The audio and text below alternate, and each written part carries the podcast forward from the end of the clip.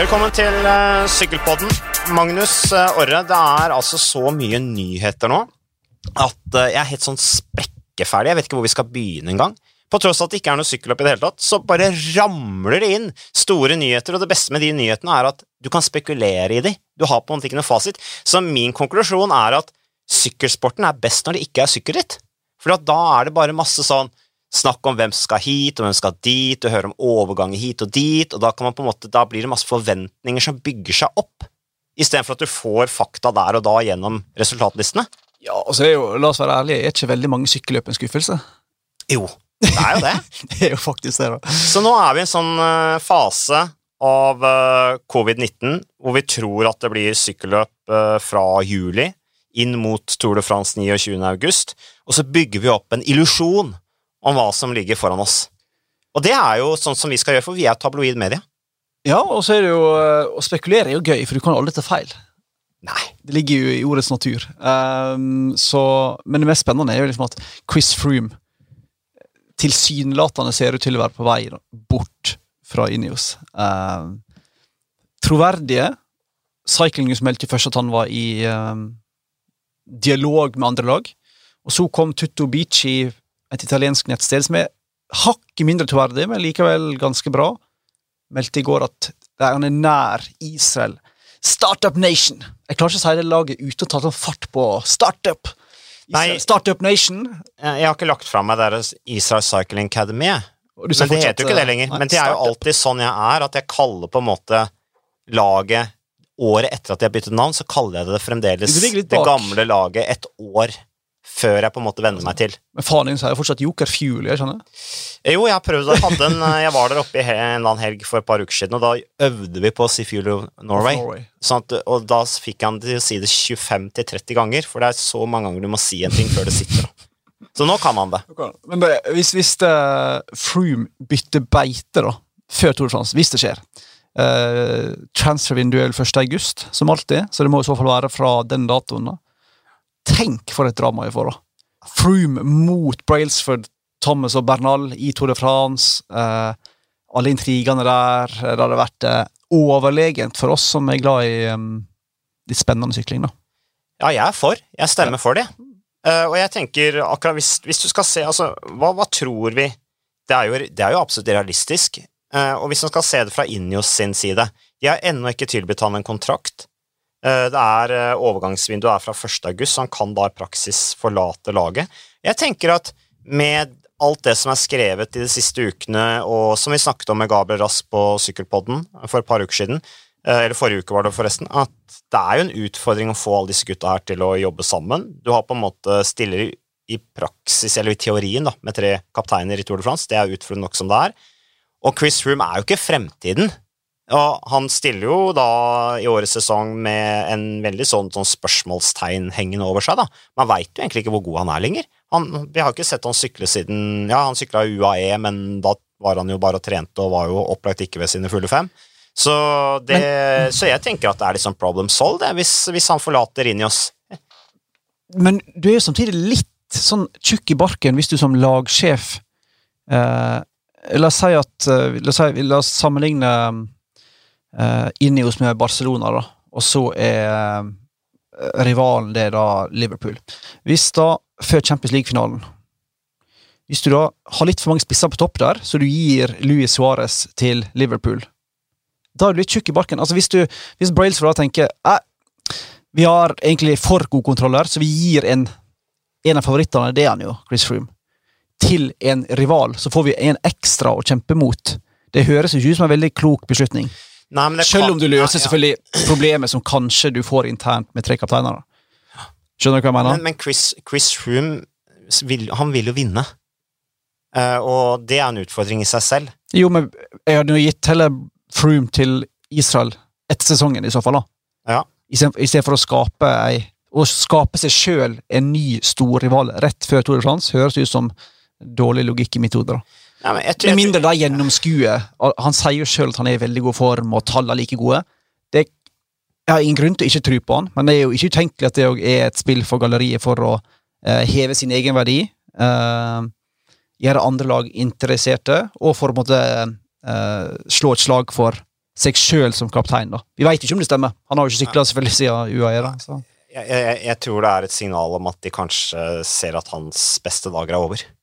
Det, tror, det er slik jeg tolker det. At de ikke har tilbudt han en kontrakt og signert han allerede. Ja, så At det han sier, da egentlig ikke er sant? Han sier jo at han er jo i kanonform og tallene Ja, litt gode som tidligere. og Ja, men de har, de har Bernal, og de har Geraint Thomas, og de har Sivakov, og de har et kobbel med ryttere som er på vei opp. Så de har Carapaz. Altså, de tenker vel kanskje at Chris Room har vunnet Tour de France eh, fire ganger allerede, og vi har sånn passe trua på han. Vi tror ikke han er like han er, Vi tror ikke at han er på samme nivå som Egan Bernal. Eh, og så er jo også Det kan jo også, hvis du skal gi uh, Braceford litt liksom eh, tillit, da, at han kanskje har litt omsorg for Chris Room, at han tenker kanskje at det er det beste for Chris Rooms karriere at han da forlater Is eh, Ineos, fordi at de kan ikke gi han det han vil ha. Men tror ikke det er litt prestisje i oss når, hvis vi sier når, da, uh, Froome vinner sin femte Tour de France? I år eller neste år eller om to år, eller Da tror jeg det er en big deal for Ineos at han er på deres lag, altså. Å kunne ha en brite som vinner rekordmange fem Tour de France-seiere, og ha det på sitt lag og på en rival, det tror jeg er en god inspirasjon, for å bruke det ordet, for Ineos til å beholde han. Tror du ikke det? Jo, men uh, nå har vi snakka om liksom sett det fra Ineos sin side. Men hvis vi ser fra Chris Rooms sin side òg, da, uh, som vi nevnte, han vil jo vinne. Det kan jo være at han ser at eh, han får ikke det, de, de mulighetene, han får ikke det rommet i laget til å kunne kjøre for sine egne sjanser. Han, han, han stoler ikke på at eh, det er mulig å få den støtten fra laget som han vil ha. Det, det, det, kan, det kan være like sannsynlig. Nå vet jeg litt usikker på hvor mye støtte han eventuelt får i, i eh, Israel Startup Nation hvis han går over dit i år, da. Kanskje til neste år. Hvis, nå er det såpass mye gode ryttere ledig på markedet for neste sesong at de kan kjøpe en hel haug med gode ryttere til Chris Room. Det er det jeg mener. Det gir jo mening, i alle fall fra Brailsford og Junior sitt synspunkt, og i hvert fall bare La være å bruke han Tour de da, men hold han i laget. Ikke gi bort en legende til en rival. Vent nå iallfall til neste år, tenker jeg da. I mitt lille ord. Ja. Avhengig av hva Chris Room vil. Ja. Og hvis han vil veldig gjerne noe som Injos er usikker på om de kan gi, og om prisen hans Jeg er litt usikker på om de bryr seg så veldig mye om prisen. Eh, jeg tror de har såpass Jeg, jeg tror penga sitter løst inni oss. Jeg, jeg veit ikke. Ja, lot vel Cavendish bryte kontrakter uten noe voldsomt til kompensasjon der uh, Jeg tror de var glad for å bli kvitt den, Mm. for det bare skapte masse uro i laget. Og det er jo også en ting. Altså Hvis Chris Room ikke er happy med situasjonen, og ikke trives uh, sånn som det er nå, så er det jo kanskje bedre å få han ut, for det skaper dårlig stemning. De vil jo ikke ha det. Ja da, satt på spissen kan hende at du fjerner et problem ved å bli kvitt den. Eh, men eh, jeg er litt lunken til at det skjer. Men det hadde vært kanonkult og gitt eh, oss som står utafor sporten, ganske mye større underholdningsverdi. Tenk på alle intrigene liksom med Froome versus Thomas og Brailsfield på ene sida, og Froome og det der litt sånn ubestemmelige Israel-laget på andre sida. Det hadde vært, hadde vært dødskult å få spredt favorittene litt over flere lag. Da Mm. Da hadde du fått tre maktfaktorer, da. Ikke bare Jumbo Visma og Ineos, men Israel. Med en Dan Martin i ryggen der, og en Ben Hermans og Dani Navarro. Det er jo en del gode klatrere fra før, da. Mm. Selv om de kommer til å bli betydelig mye sterkere neste år. Ja, for vi tror at de kommer til å signere Altså, la oss si at de signerer Chris Room, så kommer de til å bygge opp et kanonlag. Da tipper jeg de Det sier også, er det jo også spekulasjoner rundt dette med Mikkel Nieve, som jo eh, er i Green Edge. Det kommer vi tilbake til, faktisk. eh, den sagaen rundt det nye sponsoratet der. Eh, men uh, Michelin Scott, som eh, Det er jo en del ryttere som er ute av kontrakt. En av de er Mikkel Nieve. Du har jo også Jon og Gorka Isagirre, som helt sikkert også er veldig interessante, veldig drevne etapperyttere. Eh, og ellers var det jo akkurat en sak også med Carl Fredrik Hagen, at han ikke har signert i eh, Lotto eh, Sodal eh, enda. Um, det trodde vi jo faktisk etter Spania rundt i fjor, at den signaturen ville falle på plass ganske kjapt. Det har altså ikke skjedd, uh, og det er en sak ute på, på TV 2 sine nettsider nå om at han heller ikke er tatt ut i Tour de France. Det er jo da Da blir det jo med en gang snakk om liksom, ok, er det fordi at man allerede vet at han ikke skal sykle i Lotto Sodal, eller er det bare fordi at de mener at det er det beste for Carl Fredrik Hagen? Sånn som jeg tolker det, så eh, tror jeg dess, dessverre ikke Dessverre var feil. Jeg, jeg tror det er ingenting å gjøre med framtida hans. Jeg fikk ikke inntrykk av det, verken fra laget eller for, fra Karl Fredrik sjøl. planen var giroen fra utgangspunktet, og de holder på den på den planen. Eh, uten å særlig 100% så virker det som det er en sportslig beslutning. Da. Men poenget der er vel at lagsjefen eh, Jean Le Lang, tidligere Floyd Landis-sjef i, i Fornock, uh, uten at det har noe særlig relevans for dette her, uh, han uh, sa jo etter Vueltaen i Yorkshire-VM at vi håper før året er omme, altså før 2019 er omme, å være enige om en treårs forlengelse på bedre vilkår. Så fikk jeg inntrykk i februar av at en ikke nødvendigvis var helt fornøyd med de nye vilkårene. Så det tilbudet lot vente på seg. Og det har per dags dato ikke et konkret tilbud fra Lotto Sudal på bordet. Så spørs det jo hvem det er han kan gå til, da. Um, det er vel med ganske stor sikkerhet kan si at det blir ikke NTT. Hvilke lag blir det ikke, Magnus? Ja, Ikke NTT. Det blir uh, ikke Jumbo Visma, så vidt vi er bekjent. Det blir ikke Sunweb. Sunweb var en, en link jeg liksom tenkte litt i mitt eget hode at kunne stemme, i og med at jeg kvitter med Dumoulin, Keldermann, Aamen. Du har plass til en eh, rytter. Det er et lag med gode verdier. Det er nordmann med gode verdier her. Um, agenten hans har blant annet en annen nordmann der. Uh, Mattia Galli, som er agent i Karl Fredrik Hagen. Er også agent i Vegard Stokke, som er i Senweb. Mm. Um, det, det, var en naturlig link, men det fikk jeg inntrykk av på Mattia Galli at det er ikke Sunweb eller Jumbo Visma. Det er heller ikke Ineos.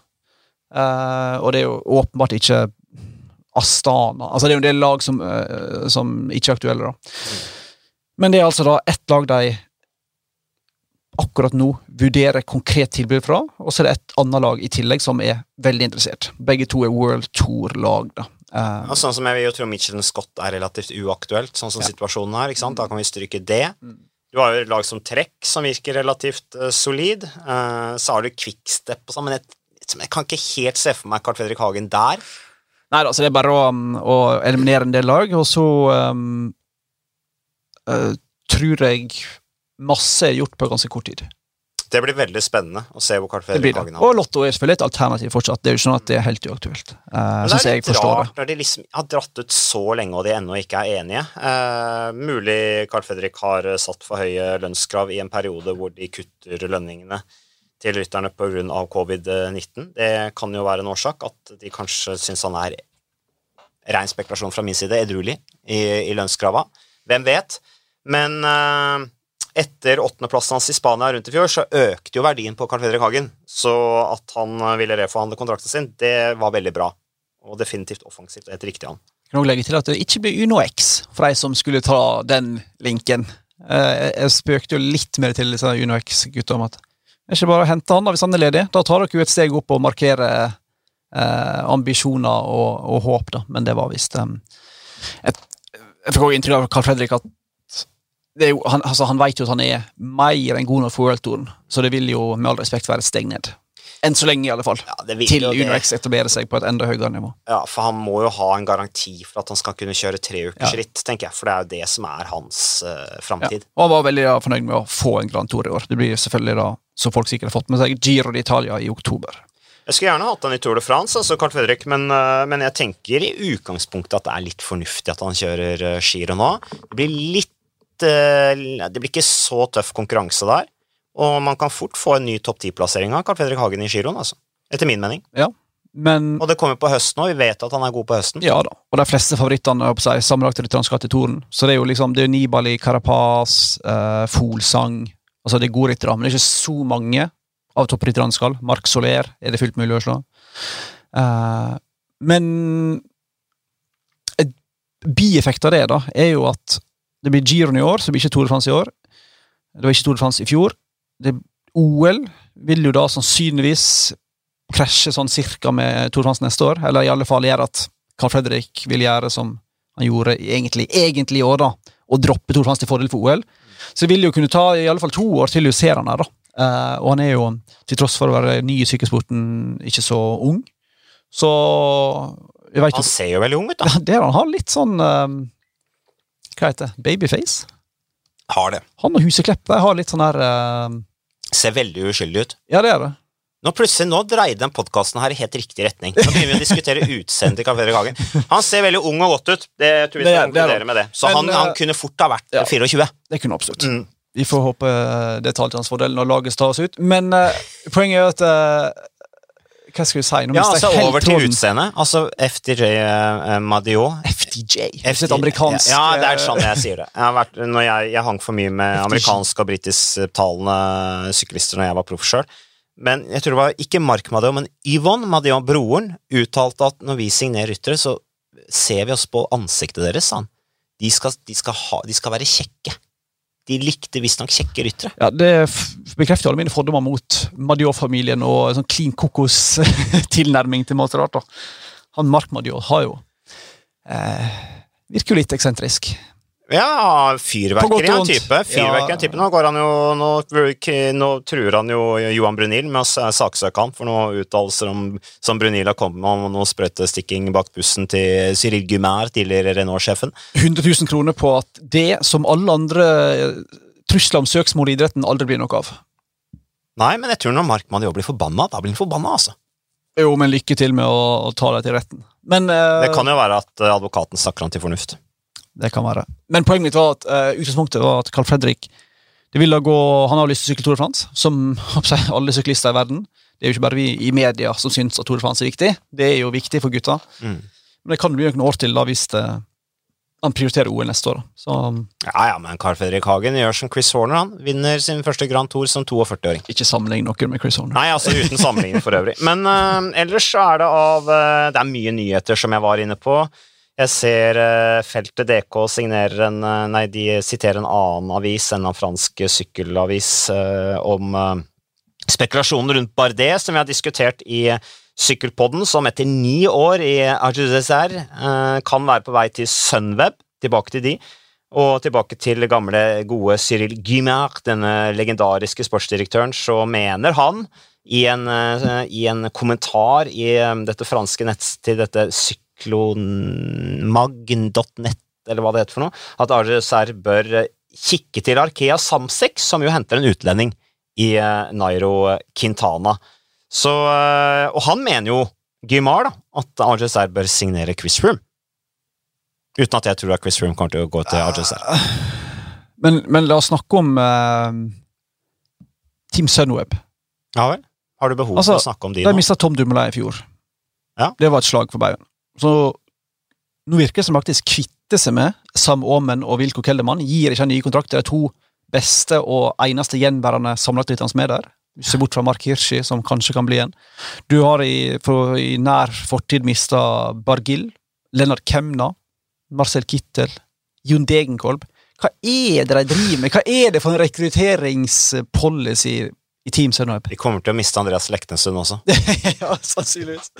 Nei, er bare- han får ta på seg drakta. det er så vanskelig å bli klok på det der Sunweb-laget, som gjør så masse beundringsverdig, og som har på en måte vært et friskt pust på mange måter, men som ikke virker til å evne å beholde sine beste ryttere, og må begynne en sånn rebyggingsfase gang på gang på gang. Det var et bra spurtlag. De har ikke lykkes like godt uh, som sammenlagt lag, bortsett fra at uh, ja, du kan jo si at Tom Dumoulin hadde en viss eh, suksess, men Tom Dumoulin Jo, men han var i mente jo at han var for aleine med altfor mye ansvar. Ja, og han, han har bygd laget rundt, så det er jo rart at du plutselig mister han, pluss da Kellerman og Aamen. Michael Matthews har jeg klart å holde på mm. i mange år. ja, han er i ferd med å bli en sammenlagt rytter. han er faktisk Han er i hvert fall mer temporytter enn han er spurter. Ja, egentlig. Hvis du ser på resultatene hans de siste par åra, så er det Sånn ikke så langt unna. yngre versjon av Tor Hushovd, Ja, faktisk. Bra mann. eh, Godeste Matthews eh, begynner å bli utvikla som Ardenn-rytter, han. Mer enn eh, det man kanskje trodde at han skulle bli en type klassikerrytter for Flandern og Paris-Roubaix. Han er begynt å bli for lett å spe, virker det som. Men Fin så- type, han Matthews, da, som i Han drev masse med BMX og triksesykling i sin unge alder. Uh, var jo problembarn på skolen. Utvist masse. Jeg husker jeg gjorde intervju med han om akkurat det der. Han var veldig sånn fin og ærlig på at jeg hang i feil miljø, banka feil folk, sleit på skolen, kasta ut utvist gang på gang på gang. Så fant jeg sykkelsporten. En sånn solskinnshistorie, dette her. Fant sykkelsporten, og så kom han liksom på the straight and narrow. Klart finne noe som var liksom Den smale sti. en smale sti, som er vanskelig for mange i livet å finne, for å høres ut som en 80 år gammel uh, uh, mann. Uh, men klarte liksom å få livet på rett kjøl, da. For det kunne gått helt andre veien. Det er vakkert. Litt sånn som uh, fotballspilleren Emanuel Adebayor. Stjerna fra Real Madrid, Arsenal, City, Tottenham, som ble spurt hva hadde du gjort hvis du ikke var fotballspiller. Gangster. Hva ville jeg vært hvis ikke jeg hadde hatt sykkelen? Se for meg deg som en tannlege. Det Ikke at du har problemer med tennene, men du Nei, men ser for meg det, litt der tar du veldig feil, okay. altså. Det er veldig feil. Det, det kunne jeg aldri vært. Hva har du blitt, da? Gudene vet. Har ikke peiling. Ingen anelse. Så Men det er helt riktig. Kjempesvar. Hæ? Kjempesvar. Ja, jeg vet ikke hva jeg ville vært, jeg. Jeg vet ikke hva jeg kommer til å bli i dag heller, egentlig. Vi får bare se. Du tar en, en dag om gangen, Ja, som de sier. Lever i nuet. Mm. Men uh, Sam Uman, riktig, uh, skal altså sannsynligvis til Jumbo Visma.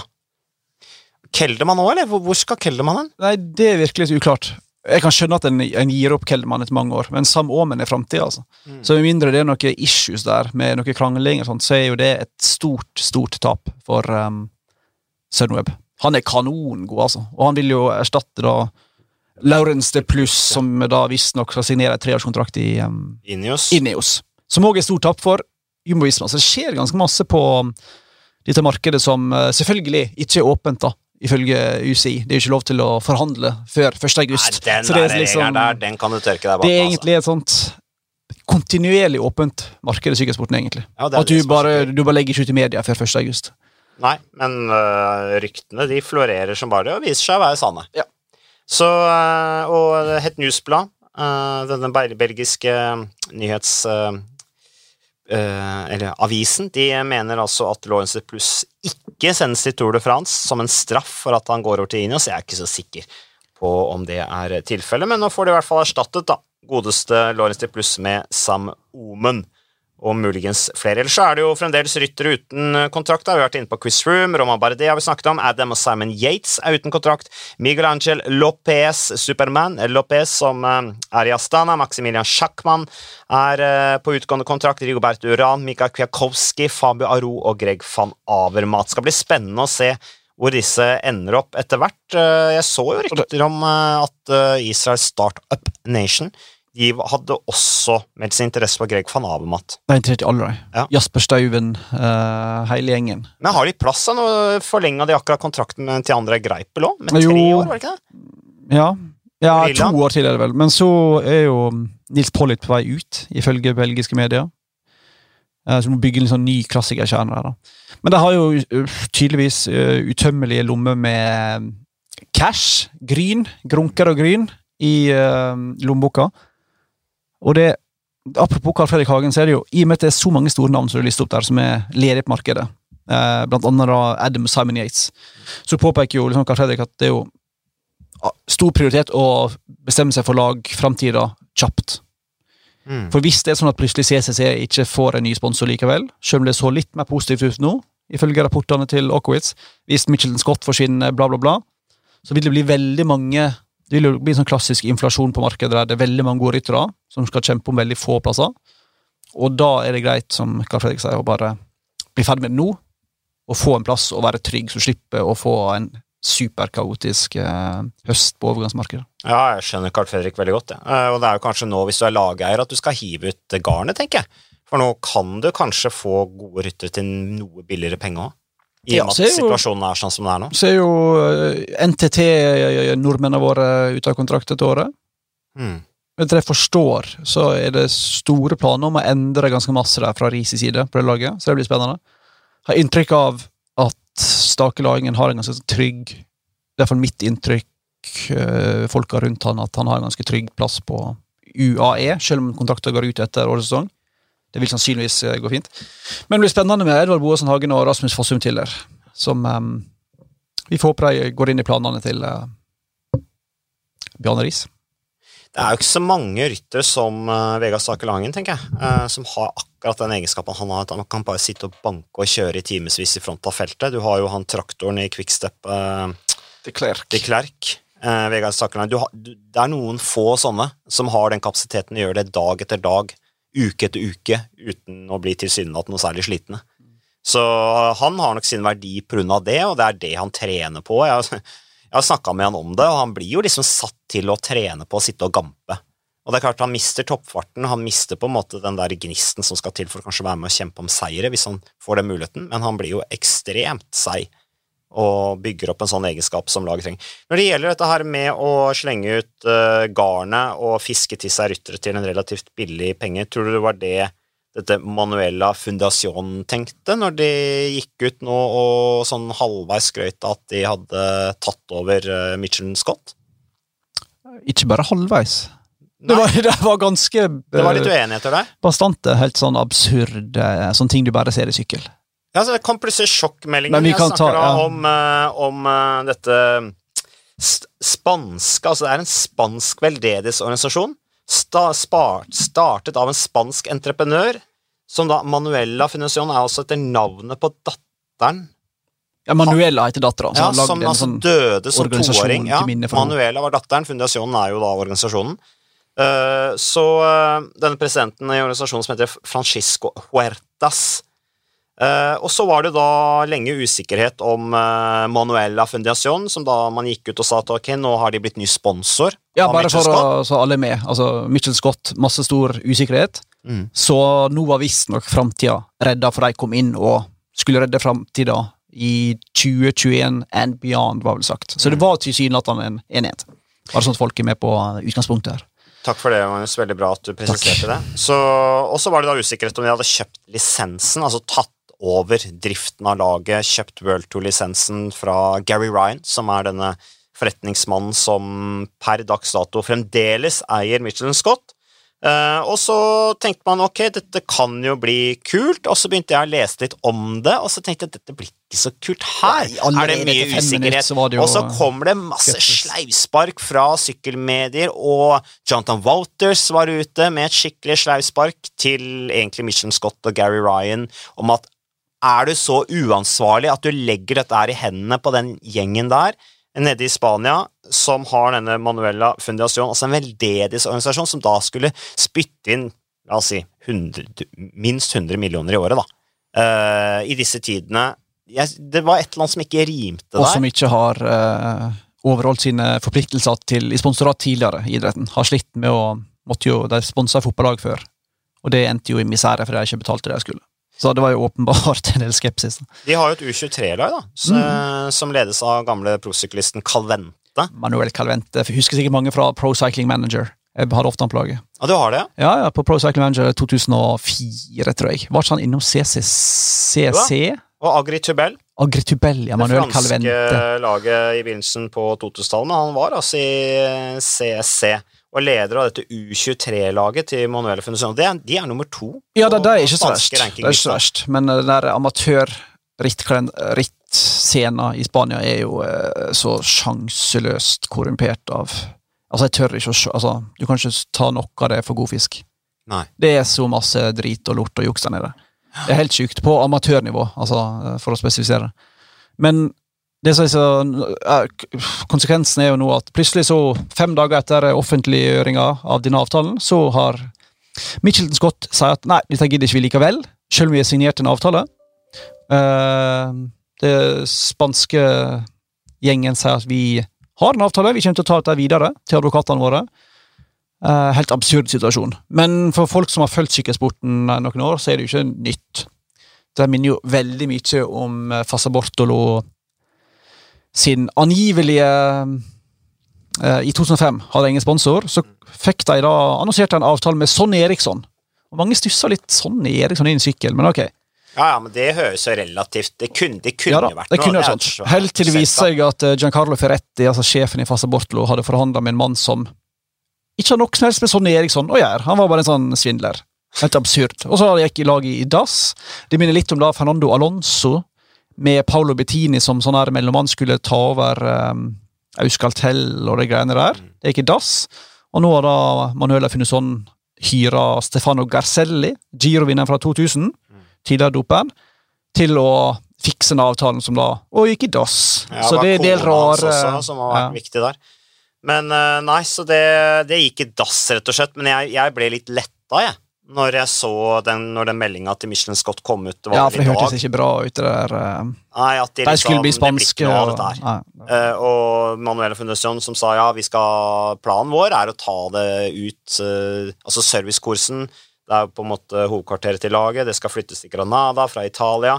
Og det skal bli et spansk sykkellag. Bra for spansk sykkelsport, som jo trenger lag, men fundamentet, det økonomiske fundamentet her, tror jeg ikke ikke er til stede. altså, Enkelt og greit. Og jeg stusser jo over at en veldedighetsorganisasjon skal gå så tungt inn Er det er ikke helt absurd? Jo. Med Så så burde ikke store summer? bruke pengene på trengende. Jeg trodde det var poenget. Jeg håper liksom ikke at det er penger til- Redd Barna at de begynner å sponse et belgisk sykkellag. Det hadde syntes var litt sånn der eh, kan Kanskje de ser på syklister som trengende i disse Ja. tider? At de er redd for at de ikke skal ha jobb? Ja, det er mulig, men ehm, eh, Nei, det var luft, nok et luftslott. Trengende er jo på en måte et litt sånn abstrakt begrep. Alle er jo trengende på en eller annen måte. Det kan jo være at de tenker sånn. At akkurat nå skal vi fokusere på syklister, for de trenger hjelp. Det, det er godt, eh, godt, eh, god refleksjon Ja. på en fredag. Men uh, konsekvensen er vel at Michelin Scott fortsatt leter etter sponsorer. Men nå har han da plutselig, Jerry Ryan, eien, plutselig sagt at alle skal få fullt betalt ut 2020 fra og med 1. august, og framtida 2021 òg er sikra. Altså laget som ikke kunne betale rytterne sine mer enn 30% av lønna, har plutselig råd til å betale likevel. Det er jo et eller annet som skurrer litt. Ja, for Manuela Fundason Ja. skulle jo ta over nå, og så skulle de på en måte fortsette å betale laget på dagens vilkår, altså covid-19-vilkårene, Mm. ut året. Som altså er 70% mindre angivelig enn det de har tjent til vanlig. Så, men det virker som Ryan bare ble engstelig og ikke ville ta sjansen, rett og slett. Eh, Forretningsmannen som har puttet inn rundt, ja, la oss si 100 millioner australske dollar i dette laget. eh, I dette prosjektet siden det startet, og er jo lidenskapelig opptatt av sporten, laget og folkene som jobber der. Eh, Og han må jo sannsynligvis grave dypt for å fortsette å holde laget på, på hjula, tenker jeg. Ja, absolutt. Så ære være han for det. Han, eh, og ikke minst viktig for australsk sykkelsport også. Da har de jo fremdeles eh, et World Tour-lag i Australia, så det er jo egentlig kjempeviktig for internasjonal sykkelsport at det lag forblir. Jeg liker det laget også, for øvrig. Spennende å se hva Yates-brødrene gjør. Um, jeg tipper at de er åpne for uh, tilbud. Simon Yates takka jo nei til Trekk for et par år siden. Trekk som er eksperter på å hyre eldgamle sammenlagtryttere. Om det er Alberto Contador, eller om det er Baukemolle eller Richie Port, eller Vincenzo Nibali. Så hvis de da hadde vært Luca Guercilena i track, så hadde jeg bytta ut uh, Richie Port som på utgående kontrakt, med en uh, ja, helst Simon Yates, men kanskje begge to. Mm. Adam Yates er lenge dårlig rytter, selv om det har stoppa litt opp der siste åra. Etter Mm. hans fjerdeplass i Tour de France i 2017. Men de har et potensial, de gutta der, føler jeg. Absolutt. absolutt. Det er jo ja, to år siden Simon Yates vant uh, Spania rundt med god hjelp Ja, han hadde jeg eh, signert eh, som Altså der. Adam Yates litt mer usikker, men uh, kanonrytter, De to sammen er jo dynamitt, da. Ja. Så hadde det vært Guercilena, så hadde jeg bytta ut litt sånn gammel Hva heter det?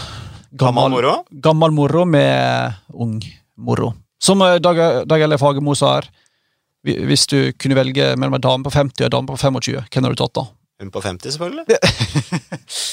Så eh, Jeg vet ikke hvor gamle Jeg vet ikke snittalderen på- er på et tracklag, men det er iallfall ganske høyt i 30-tallet på disse sammenlagt gutta. Ja. Port Så, 35 og ja, Noen liker gamle ryttere, noen liker unge. Sånn er det. Mor andre gikk dattera, Ja, helt som vi sier på Eid. Apropos, uh apropos lag som reddes. Eh, Bigla Katusha, som jo er et av de bedre damelagene, definitivt, de er også reddet nå, heldigvis. Der så det jo veldig stygt ut. De var jo så desperate at de var i gang med sånne der eh, innsamlinger på nett og sånne ting.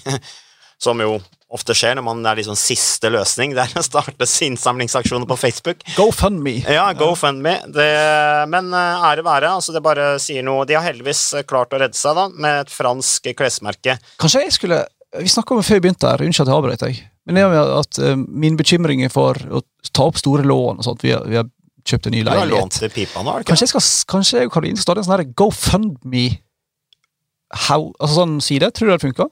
At folk kan gi penger så jeg kan sove lettere om nettene og slippe å bekymre deg for så store lånene våre? Du er jo alltid bekymra, Magnus. Så Jo, hvis vi kan gjøre noe for at Ja. du er litt mindre bekymra, så syns jeg du skal du, gjøre det. hadde du donert? Spytta i, jeg, altså. Hadde du det? Ja. Vips som en 50-lapp der. ja 50-lapp skal jeg gjøre, men hvis, du må jo invitere meg på innflyttingsfest, da, da ryker jo Da går jo vinninga litt opp i spinninga. Ja. For da kommer Jeg jeg, jo selvfølgelig uten noe som helst. Tørst og sulten, ikke sant. Så det det- blir jo egentlig bare en måte å finansiere en god kveld på. Det er sant. Men syklister er vel sånn som skihoppere. ikke? De tåler jo knapt alkohol. Drikker jo ikke alkohol på sånn ti måneder. Og så er en tynne som en stilk, og så er det en halv side der, og så er det liksom bare natta. Jeg tålte Er mer sånn, når jeg var syklist enn jeg gjør nå, føler jeg. Ja. Men nå er jeg blitt så gammel, ikke sant, at nå, Ja, det jeg nå tåler jeg ingenting. Men, uh, men når jeg var syklist, så var jo liksom forbrenninga så høy, følte jeg da. Eller jeg følte at da tålte jeg ganske mye. Ja, jeg har inntrykk av at det er sånn her uh, Du går høyt ut, og så slukner du med en gang. Ja da. Ja. Men nei, jeg syns ikke det. Vi hadde jo veldig utholdenhet, vet du. Vi var jo i kjempeform, ikke sant, så da følte jeg at jeg tålte en god del. At jeg kunne dra den ganske langt. Men nå er det en De få gangene man var og så Natta. Ja, nå går jeg ikke ut lenger, for jeg blir jo så sliten i mange Ja. dager. Så det går ikke. Nå har jeg jo ansvar for andre enn meg selv òg. Så sånn er det jo. Det går ikke. Men uh, litt andre nyheter, Uh, Men jeg avbrøt vel på det der Bigla Katusha Ja, nei, vi-. Det viktigste var egentlig sagt der, at de har reddet av et fransk klesmerke som Polka? eh, heter Polka, er det ikke det? Jo. Så det er vi jo glad for. Det er dagens gode nyhet fra kvinnesykling. Og så er det Bora Hansgrohe, for å ta litt andre nyheter, som jo bekrefter laget til Tour de France, og samtidig kommer med den overraskende nyheten om at Peter Sagan han skal ikke kjøre klassikeren i år, for han skal plutselig kjøre Giro Italia, noe han aldri har gjort. Nei, men det var jo dealen hele i 2020, da. At han Ja. skulle kjøre Giro og Tour de France. Så det er tydelig at eh, så er det RCS som eier Giroen. De er gode på å få stjerner. Altså Chris, De inngår jo sånne avtaler som er ganske mm, virker som rytterne respekterer. da. Chris Froome, eh, Knandre, Alberto Contador. Det har vært en del sånne her, eh, ryttere som Jeg har gitt mitt ord til RCS, og da stiller jeg opp. Ja, det er derfor de er- spekulerer at RCS kjøper de. Ja, sant. Det er det jo ingen bevis for. Men eh, det er jo en, de føler seg tydeligvis forplikta når de sier først ja. Så jeg Brosens klassikerne uten Peter Sagan merker at jeg lever greit med. Ja, jeg lever helt greit med det, jeg òg. Så han har vunnet Gent Belgium tre ganger, han vant Flandern rundt og Paris-Rubé én gang, det var 2016 og 2018, men ja, større sjanse for Kristoff til å vinne, da. Må jo tenke litt kynisk. Ja, ja. Den enes død, den andres brød. Men er det at klassikerne våre er kortere? De har kutta litt ned på avstanden i Gent Wefelge med Ron van Flandren, Ja, det er. Schelde Price.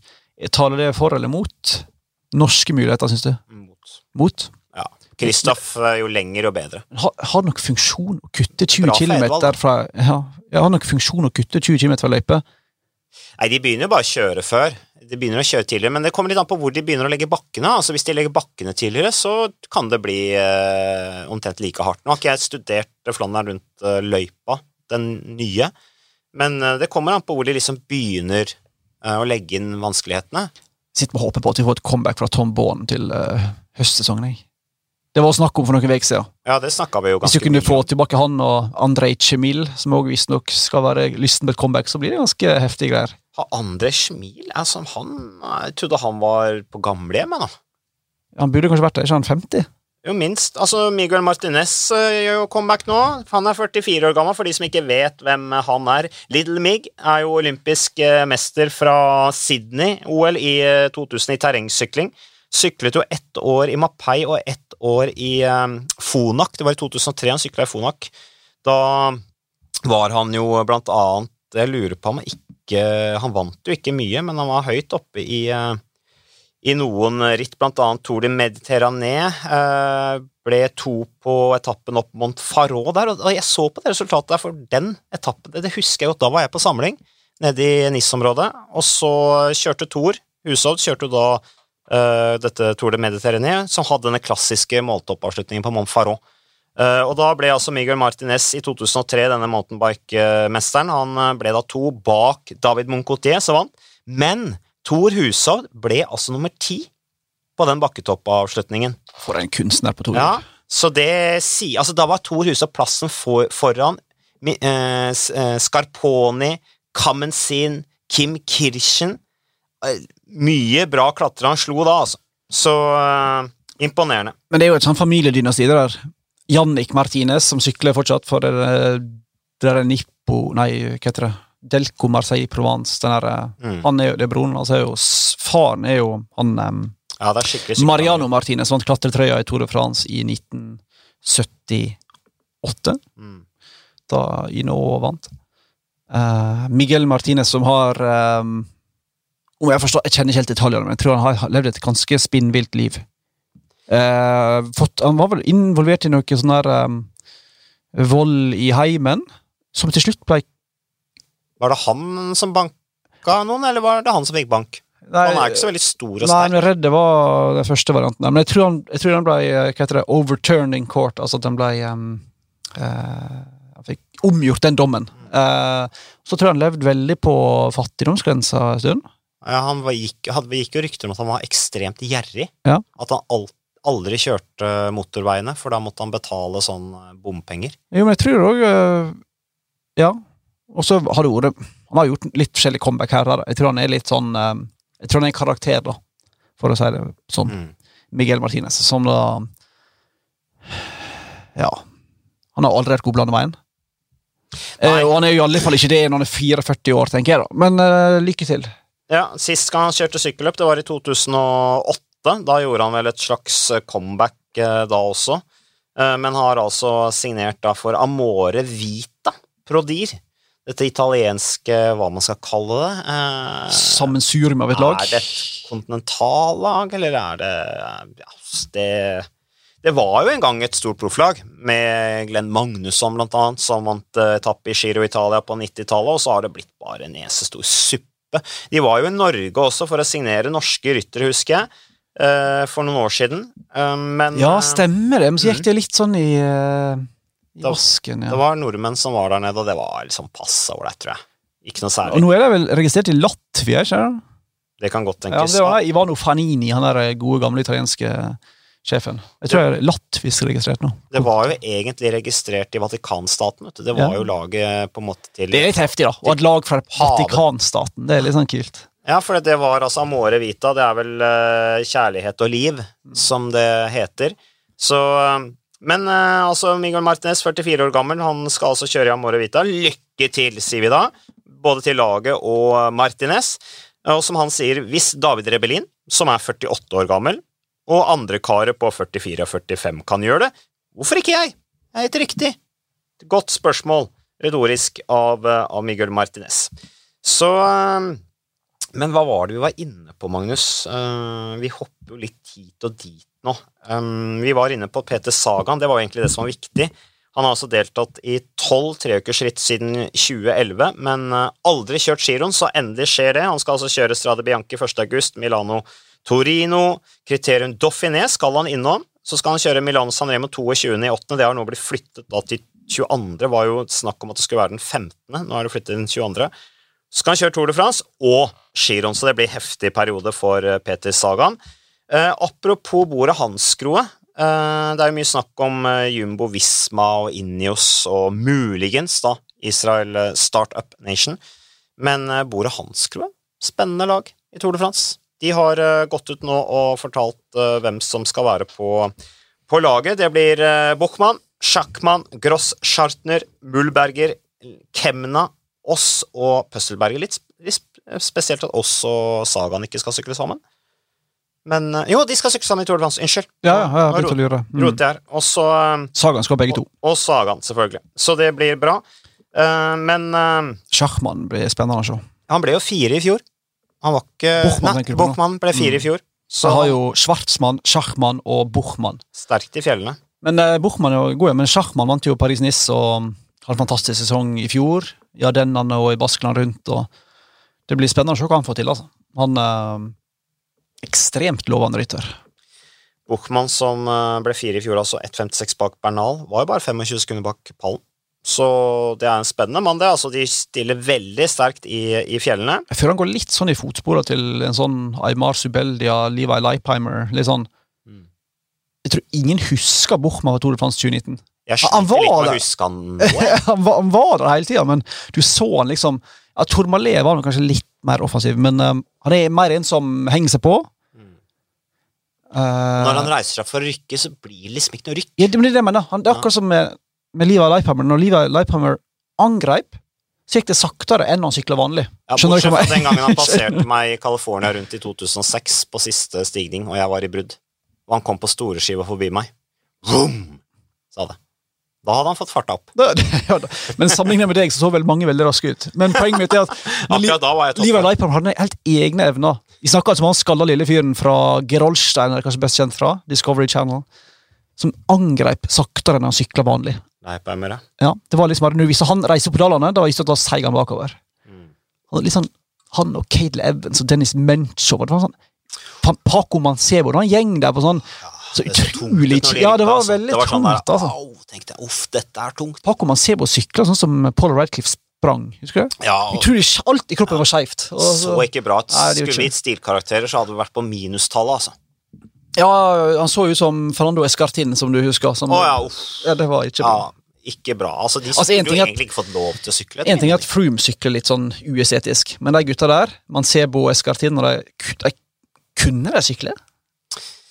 Det gikk jo ganske fort opp på bakkene. De sto jo bare og tro hele tiden. Rart det når du propper kroppen full med alt er- det er jo remma og tøy kan holde.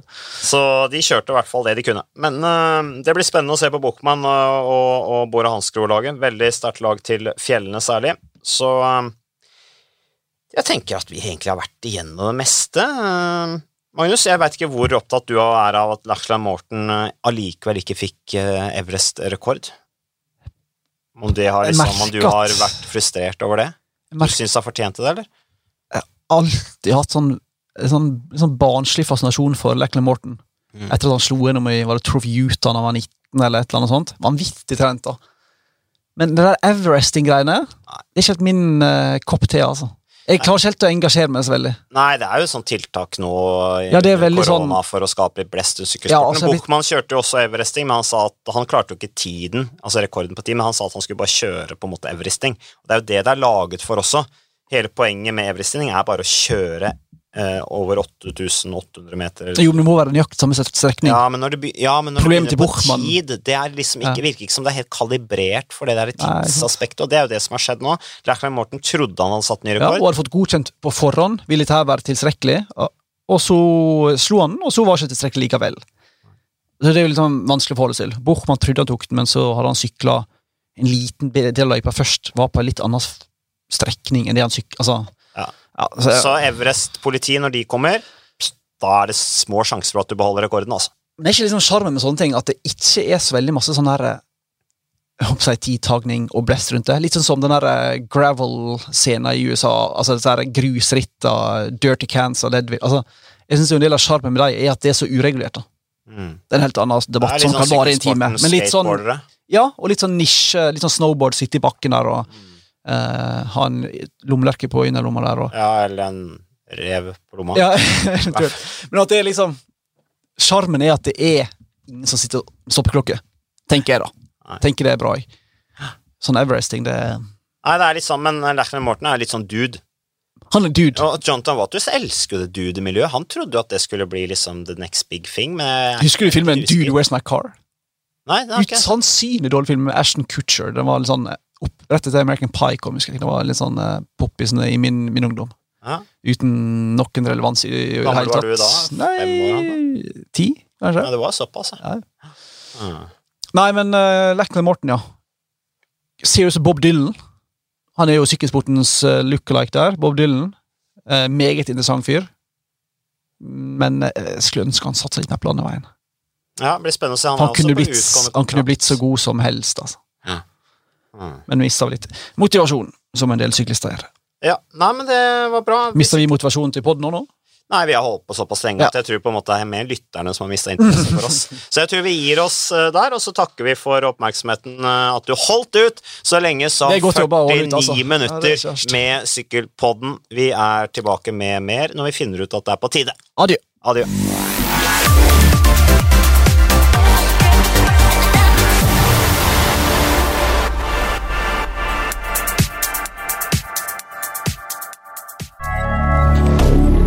Moderne media.